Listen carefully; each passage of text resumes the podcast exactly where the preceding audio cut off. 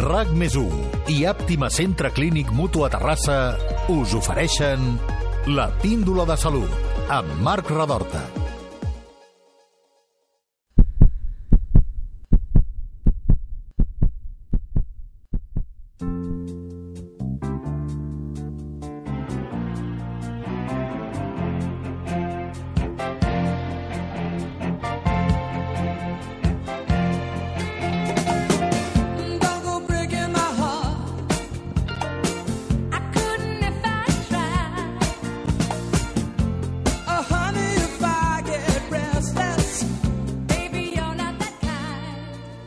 Tenen en comú Emilio Botín, Mark Twain, Sean Connery, Stanley Kubrick o la mare Teresa de Calcuta?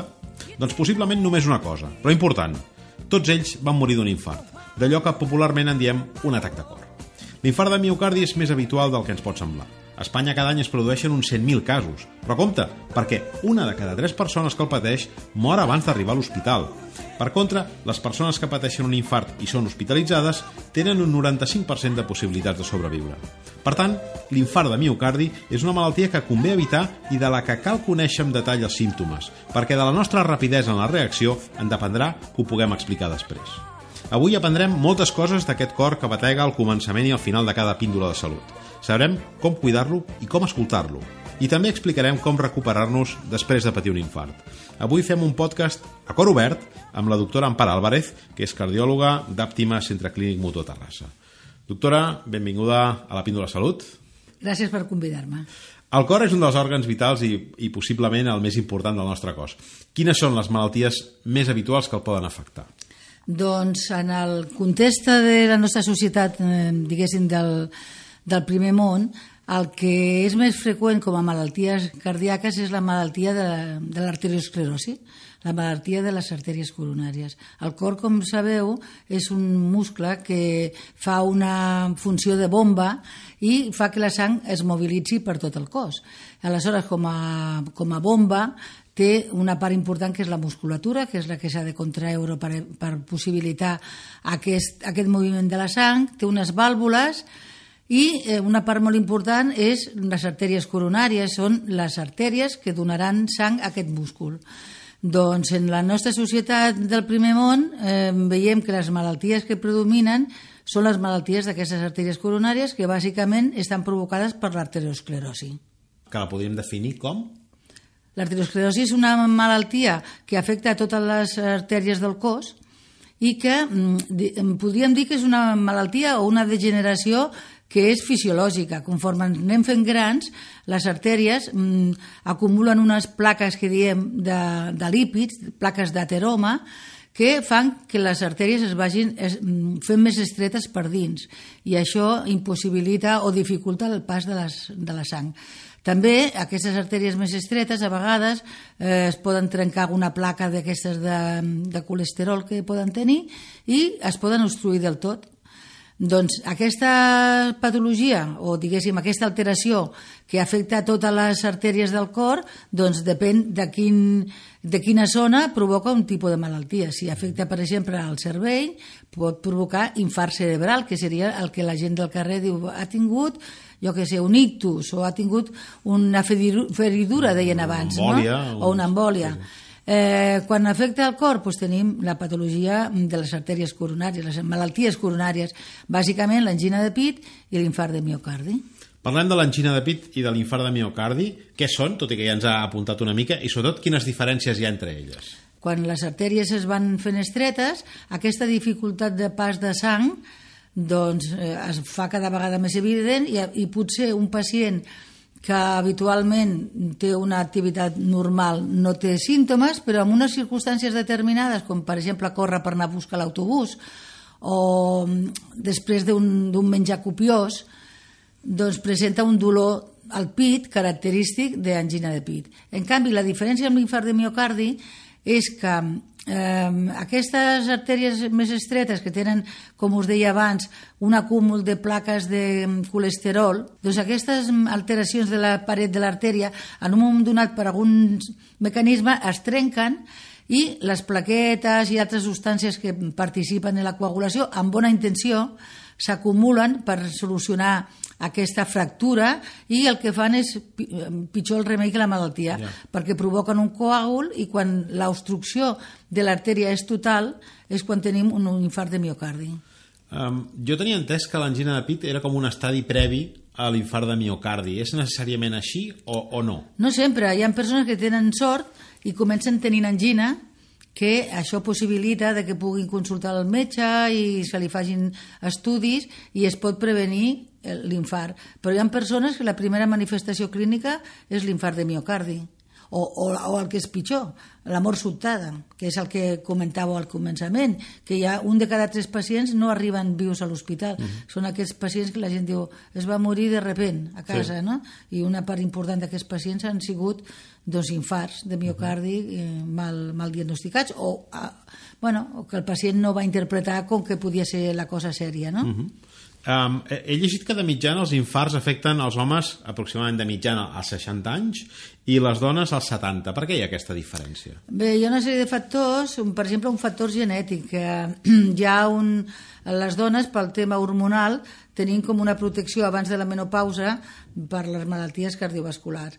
Però també, jo crec que també és important tenir en compte que, bueno, ara això eh, ara ha canviat, però que la, la prevalència o, o la freqüència del, ta, del tabaquisme era molt més alta amb homes. Per tant, les dones estaven com més protegides. La mateixa malaltia es manifesta en diferents territoris depèn de determinades circumstàncies. Eh, segons l'Organització Mundial de la Salut, diuen ells en un estudi que el 80% dels infarts es poden prevenir. La pregunta és, com? Eh, el primer eh, seria conèixer els símptomes de la malaltia coronària. És el que comentàvem abans. Si has tingut la sort de que tens angina abans de l'infart, doncs és molt important reconèixer mm, que aquests símptomes que estàs tenint, aquest dolor al pit fort que t'agafa quan vas, corres per agafar l'autobús o quan eh, saps pagar l'ascensor de casa teva i has de pujar quatre pisos, que això pot ser una angina de pit i aleshores això et possibilitarà poder mm, ser atès i poder ser diagnosticat per no arribar a tenir un infart. Però Aturem-nos un moment Sí. aquí, si, si li sembla, en aquest, en aquest punt Sí. de, dels detalls de, de, dels símptomes per detectar una possible angina o un possible infart. Què, què, què notaríem? Quin, quin és el senyal d'alarma que nosaltres ens ha, de, ens ha de fer despertar i ens ha de fer de trucar a, a, a l'ambulància o, o, o anar directament al metge? En quant a l'angina, eh, Sí. mm, habitualment, és el que comentava, és un dolor que mm, habitualment es manifesta al pit com una opressió Sí, o com un un nus. ofec. O a vegades els pacients... Clar, és el que passa, a vegades eh, tens mm, pacients grans que els hi costa explicar-se, no? Clar. Però habitualment és una sensació de- d'opressió o de nus o d'alguna cosa que t'impossibilita de respirar aquí al pit. Eh, mm, moltes vegades inclús hi ha manifestacions més rares com que el dolor es manifesta en la zona de les espatlles, entre Sí. escapular de vegades mandíbula, braços, a no, la mandíbula, també. hi ha moltes persones o alguns que han pensat que teni, han anat al dentista pensant que tenien mal de queixal, però clar, mal de queixal quan fas esforç, això és un mal de queixal molt raro. O mm, que t'afecta el braç dret o el braç esquerre. Això és un motiu de confusió, perquè jo he tingut pacients que m'han dit bé, tenia dolor al braç, però com que era el dret, no em, va, no em vaig preocupar. No, no, pot ser tant el dret com a l'esquerre. Per tant, si, si, si notem aquesta pressió al pit i, un, i, i mal al braç, sigui el dret o sigui l'esquerra, és possible que estiguem davant d'un escenari d'angina de pit i, per tant, convé trucar ràpidament al 112. Eh? Sí, consultar si és una angina, consultar almenys el teu metge, eh, si és d'esforç. O sigui, nosaltres classifiquem una mica les situacions com més estables i inestables, no? Quan és una situació estable són aquest, aquestes angines de pit que tu pots, en certa manera, predir. Doncs a mi m'agafa quan corro, m'agafa quan vinc carregada de la compra i pujo les escales, m'agafa eh, quan he menjat molt i vull sortir a passejar. Aleshores, diem que és un angor o una angina de pit com estable. Llavors, aquí podries tenir l'oportunitat de, si tens si pots contentar el teu metge de forma ràpida, consultar-li, no cal anar a urgències d'entrada. Clar, quan la- quan l'angina de pit eh, es manifesta sense fer esforços, que nosaltres veiem que és una situació inestable, aleshores sí que la, el consell és anar ràpidament a urgències, eh? o trucar al 112. Eh? Mm -hmm. Estàvem parlant de la prevenció, per Sí. tant, evidentment, si tenim símptomes d'angina de pit és la, la, la primera de les prevencions, però entenc que deu haver-hi altres eh, hàbits o altres maneres d'intentar evitar arribar a aquest escenari, no? Clar, de, hi ha uns factors de risc que diem. Hi ha unes situacions que fan que un pacient determinat o una persona determinada tingui més risc de tenir una malaltia de les artèries coronàries que altres. I nosaltres, els metges, treballem amb, en certa manera amb estadística. Quan un pacient et ve amb uns símptomes determinats, eh, el que parlaven d'un dolor al pit, clar, és molt diferent que aquest pacient tingui 20, 20 anys i no tingui cap factor de risc a que sigui un avi que és, mm, bueno, amb els factors de risc que ara explicaré. O sigui, treballes una mica en la possibilitat que té aquest pacient de que tingui aquesta malaltia coronària. Quins són els factors de risc? El més important, el més freqüent, l'edat. Eh? Perquè a vegades classifiquem els factors de risc en controlables i no controlables. Evidentment, l'edat no la podrà solucionar, I, però sabem que com més gran et fas, aquesta alteració de les artèries, que es diu arteriosclerosi, anirà progressant. Per tant, una, una persona de 80 anys té molt més risc que una persona de 40 de tenir angina de pit o infart de miocardi. Eh, però, a més a més, hi ha una sèrie de factors de risc que faran que, que aquesta manifestació, en certa manera fisiològica de l'arteriosclerosi, es manifesti de forma més precoç. És molt important conèixer si el pacient té hipertensió, si el pacient té mm, el colesterol alt, si el pacient és diabètic, si és un fumador o ha estat un fumador important. Pensem que deixar de fumar no, no s'arregla tot en dos mesos. Ja, moltes vegades el pacient diu, ah, oh, no, si ja no fumo. Bueno, des de quan no fuma? Quan ha fumat? Quants anys? Quants paquets? Tot fumat 30 anys i no, ja Clar. fa dos mesos que no eh? fumo. I també l'obesitat, que és un Clar. factor molt important que, bueno, ja parlarem, si voleu, de que és un problema gros en la nostra societat. Sí, eh, parlem-ho com a eh, factor de risc associat a la... A la diabetis, a la, a, bàsicament, perquè la... A la, la diabetis i a les enfermetats coronàries. Ah, sí, no, no, clar, però és com una cadena, diguéssim, la pacient que té obesitat té més, mm, més risc de tenir diabetes i hipertensió, que això a la seva vegada comporta un risc d'arteriosclerosi. Sí, sí. Ha parlat dels símptomes, diríem, de l'angina la, de, de pit, els símptomes de l'infart de miocardi, exactament? Doncs l'infart de miocardi és un... El, el símptoma, el tipus de dolor seria semblant, però el comentava abans, amb una situació molt més inestable, amb una, una aparició del dolor en repòs, habitualment amb més intensitat, el pacient se n'adona de que és algo greu. greu, està sudorós... Uh -huh. uh, imaginem que una ambulància ens trasllada cap a, cap a Àptima Centre Clínic uh, a Mutu Terrassa perquè estem patint un infart uh, què, què ens faran? Quin tractament rebrem allò en primera instància? El que seria ideal és no anar a cap centre sinó trucar al 112 uh -huh. perquè hi ha, un, hi ha una mecànica establerta que és el protocol de l'infart de miocardi que aleshores el, el 112, alertat d'un possible infart, es desplaça al domicili del pacient, li fa un electrocardiograma i en el cas de que, que la, la possibilitat d'infart sigui alta, aleshores aquest mm, protocol infart eh, possibilita que des de la, una central que hi ha, del 112, es faci que aquest pacient es destini a un centre determinat. I per què en un centre determinat? Perquè haurem de triar un centre que faci possible que en el termini eh, inferior, si és possible, de dues hores, sigui capaç de fer-te un cateterisme per, per arreglar aquesta obstrucció. Uh -huh. Tot això què dura? És a dir, eh, quin és el marge de temps que té en un hospital per, per, per salvar la vida d'una persona que està, bueno, que està Home, en situació de risc? Més, com més ràpid sigui el procediment, més final feliç tindrem, uh mhm. -huh. perquè després podrem parlar de què passa quan no, això no es possibilita per algun, per algun motiu.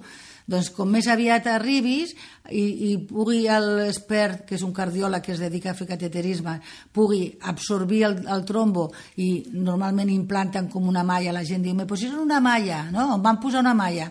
Vol dir que després d'absorbir el trombus, amb un catèter, doncs posen una malla per evitar que això es torni a tapar.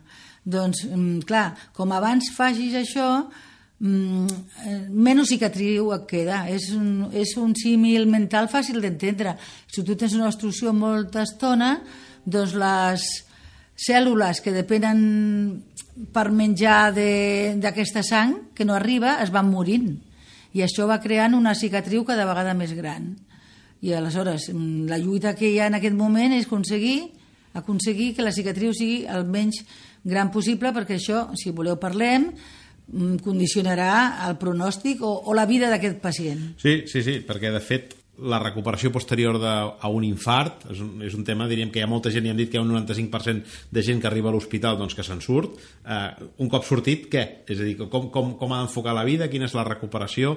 Què ha de fer, eh, què no ha de fer o sigui, si tens un pacient que ha tingut la mala sort de que ha malinterpretat els símptomes i quan ha arribat a, a fer-se el cateterisme i, i li han pogut obrir l'artèria han passat moltes hores, la cicatriu és tan gran que podia ser que en el futur estigui molt limitat, per exemple, per fer exercici físic, perquè té una... Clar, la cicatriu el que fa és eh, deteriorar la contractilitat cardíaca.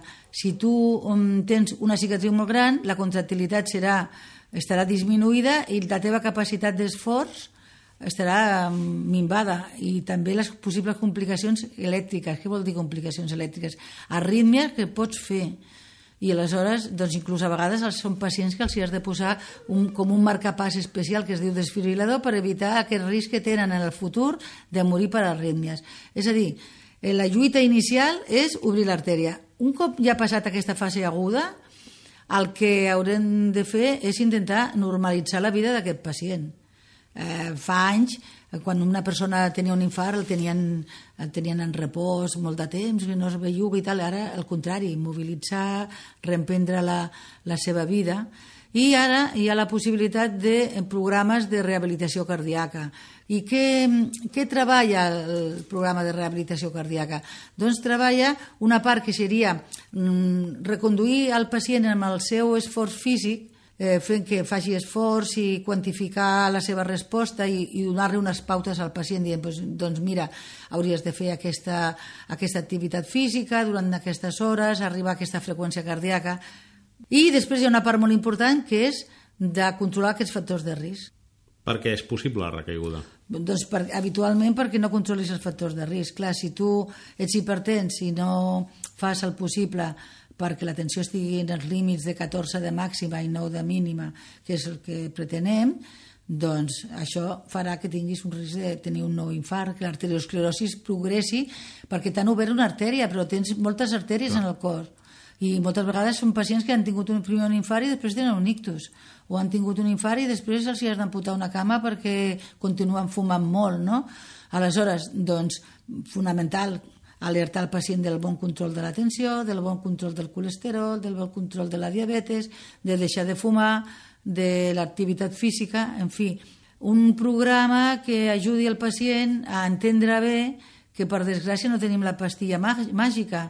Hi ha una part molt important que pot fer ell per la seva salut. Mm. Això li volia preguntar, no han inventat encara un, un, un producte, un medicament que impedeixi aquesta acumulació de greixos, diríem, preventivament en, el, en, el, en, el, en les artèries? Bé, hi ha els tractaments de tots aquests factors de risc, no hi ha el desatascador. No, no existeix no, això, eh? No existeix. Allò que posem a, a, a la pica quan s'embussa, allò no ho tenim, eh? I que fes que prenguessis un xarop i te netegés totes les artèries això del cos. No seria, encara. seria ideal. Això sí. Ara bé, sí que hi ha tractaments, tractament per les tensions arterials, tractament pel colesterol, tractament per la diabetes, eh, programes d'exercici, mm, terapèutiques enfocades a que la obesitat es redueixi, en fi, aquí està el tema de, dels programes de rehabilitació cardíaca i de la nostra tasca com a professionals mm, per dedicar-li un temps a coses que a vegades ens semblen poc importants perquè està una mica com de més prestigi, posar catèters, fer sí. coses eh, importants i, i sembla que això de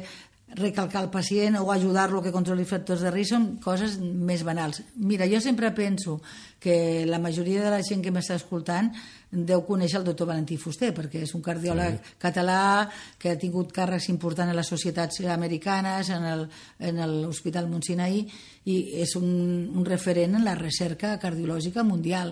I mm, és curiós que ell ha acabat dient que tenint en compte que en el 2030 la, la, els pacients que moriran d'infarts seran moltíssims, que ell ha vist que, si bé no s'ha de deixar d'investigar, és molt important que cada euro que gastem sigui en prevenció, perquè un euro invertit en prevenció implica es, mm, evitar molts infarts, salvar, salvar moltes vides, i si ja només ho mirem des del punt de vista econòmic, té un rendiment altíssim. El que passa és que, bueno, el problema dels factors de risc és que és una cosa tan fàcil com canviar l'estil de vida. Clar. I canviar l'estil de vida ens, ens costa molt. La molt. gent tenim una mentalitat de faré una dieta un mes. No, no. Anem a ensenyar als pacients que no es tracta de fer una dieta un mes, es tracta de canviar la dieta per tota la vida. Per tal, tampoc se'ls ha d'angoixar a que facin una dieta draconiana, per exemple, eh? ho dic, sinó donar-li unes pautes. Sí, sí. Evidentment has de ser molt estricte amb el tabac. No, no, fumaré menys, no, no. Hem de deixar de fumar. També hi ha unitats de tabac amb molts caps que, que ajuden, o, o en centres privats, eh? en Àptima, de que t'ajuden amb fàrmacs o una, amb una terapèutica conductual de de perdre l'ansietat que genera deixar de, de fumar. Uh -huh. i altres, o sigui, molt important atacar els factors de risc, molt important. Molt bé, doncs eh, més o menys ja anem acabant. Eh, si li sembla farem una mica de resum de tot el que hem comentat perquè a la gent també li queden clares les 3-4 idees principals. La primera, eh, hem començat parlant de, de l'arteriosclerosi com, com, a, com, a, com a malaltia diríem genèrica, eh, aquest embussament de les artèries que es pot produir a qualsevol lloc, perquè de fet es pot produir també en altres punts, però en aquest cas avui estàvem parlant de, de quan afecten en, la, en el muscle del cor, eh, d'aquesta diferència entre l'angina de pit, que normalment es produeix en una situació d'esforç i pot tenir certs episodis i ens dona com un avís que podem tractar amb no tanta urgència com un infart de miocardi l'infart de miocardi que sí que ja tenim detectem uns símptomes greus que ja notem que no són gens normals i que ens fan eh, actuar amb la màxima rapidesa perquè d'això en dependrà també les possibilitats que tinguem de sobreviure en primera instància i després de tenir un nivell de qualitat de vida superior eh, després en, eh, en la recuperació.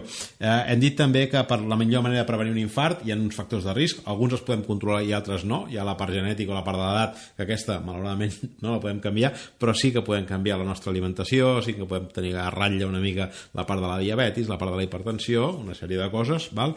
hem explicat aquests símptomes de com detectar, de com detectar el, el possible infart o la possible angina de fit. Eh, hem parlat també d'aquesta recuperació posterior i dels hàbits de vida i, en general, bueno, aquesta recomanació bàsica eh, de, de, de deixar de fumar, d'intentar canviar, de, de, de tenir una vida més saludable per prevenir ja no només aquesta malaltia, perquè al final en aquesta píndola salut, en aquest podcast, cada dues setmanes passen metges i, i tots ens diuen el mateix, no? en el fons, de que aquesta prevenció, eh, canviant els estils de vida, la gran majoria de malalties, no només la d'avui, no només la, la que estem parlant del cor, doncs ens podríem estalviar-les, eh? i per tant eh, tindríem una vida més llarga i molt millor.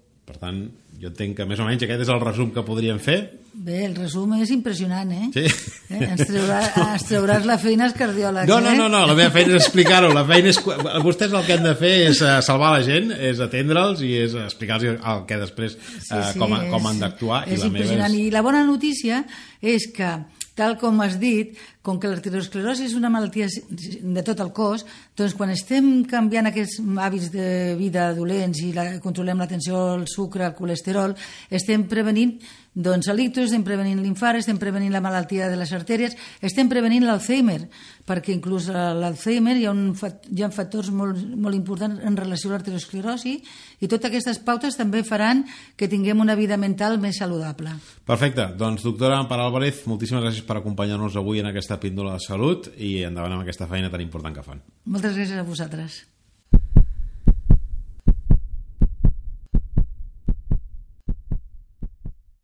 RAC més i Àptima Centre Clínic Mutu a Terrassa us han ofert la píndola de salut amb Marc Radorta.